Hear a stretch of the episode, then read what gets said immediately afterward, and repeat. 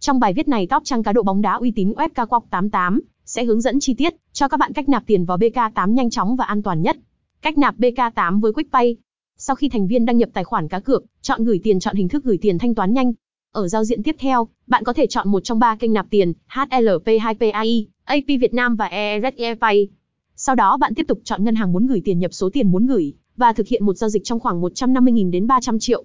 Tiếp theo, bạn xem lại các thông tin mà hệ thống hiển thị và nhấn gửi. Cuối cùng, thành viên đăng nhập vào ứng dụng ngân hàng trực tuyến của mình và sử dụng dịch vụ ngân hàng trực tuyến để chuyển khoản thông qua thông tin hệ thống hiển thị ở trên. Cách nạp BK8 qua tài khoản ngân hàng. Sau khi thành viên chọn nạp tiền, bạn chọn nạp tiền qua ngân hàng địa phương chọn tên ngân hàng, tại đây hệ thống hiển thị thông tin tài khoản ngân hàng đại diện BK8. Người chơi hiện có 3 phương thức để chuyển tiền vào đúng tài khoản ngân hàng. Đó là chuyển khoản qua quầy, ATM hoặc sử dụng dịch vụ ngân hàng trực tuyến.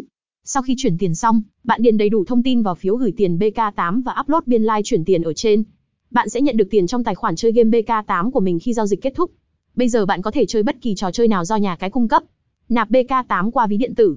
Sau khi người chơi chọn nạp tiền vào nhà cái BK8 thì chọn vào ví điện tử. Sau đó bạn chọn một trong hai kênh nạp là AP Việt Nam hoặc Việt Nam Pay, kiểm tra ví Momo hoặc Zalo Pay, chọn số tiền nạp vào tài khoản. Tiếp theo, nhấn vào ô gửi, hệ thống sẽ chuyển sang giao diện đăng nhập ví điện tử của người chơi. Để nạp tiền, bạn mở ứng dụng Momo hoặc Zalo Pay và sử dụng mã quét QR để nạp vào tài khoản. Nạp BK8 qua thẻ nạp di động. Sau khi chọn gửi tiền, thành viên chọn biểu tượng nạp thẻ di động.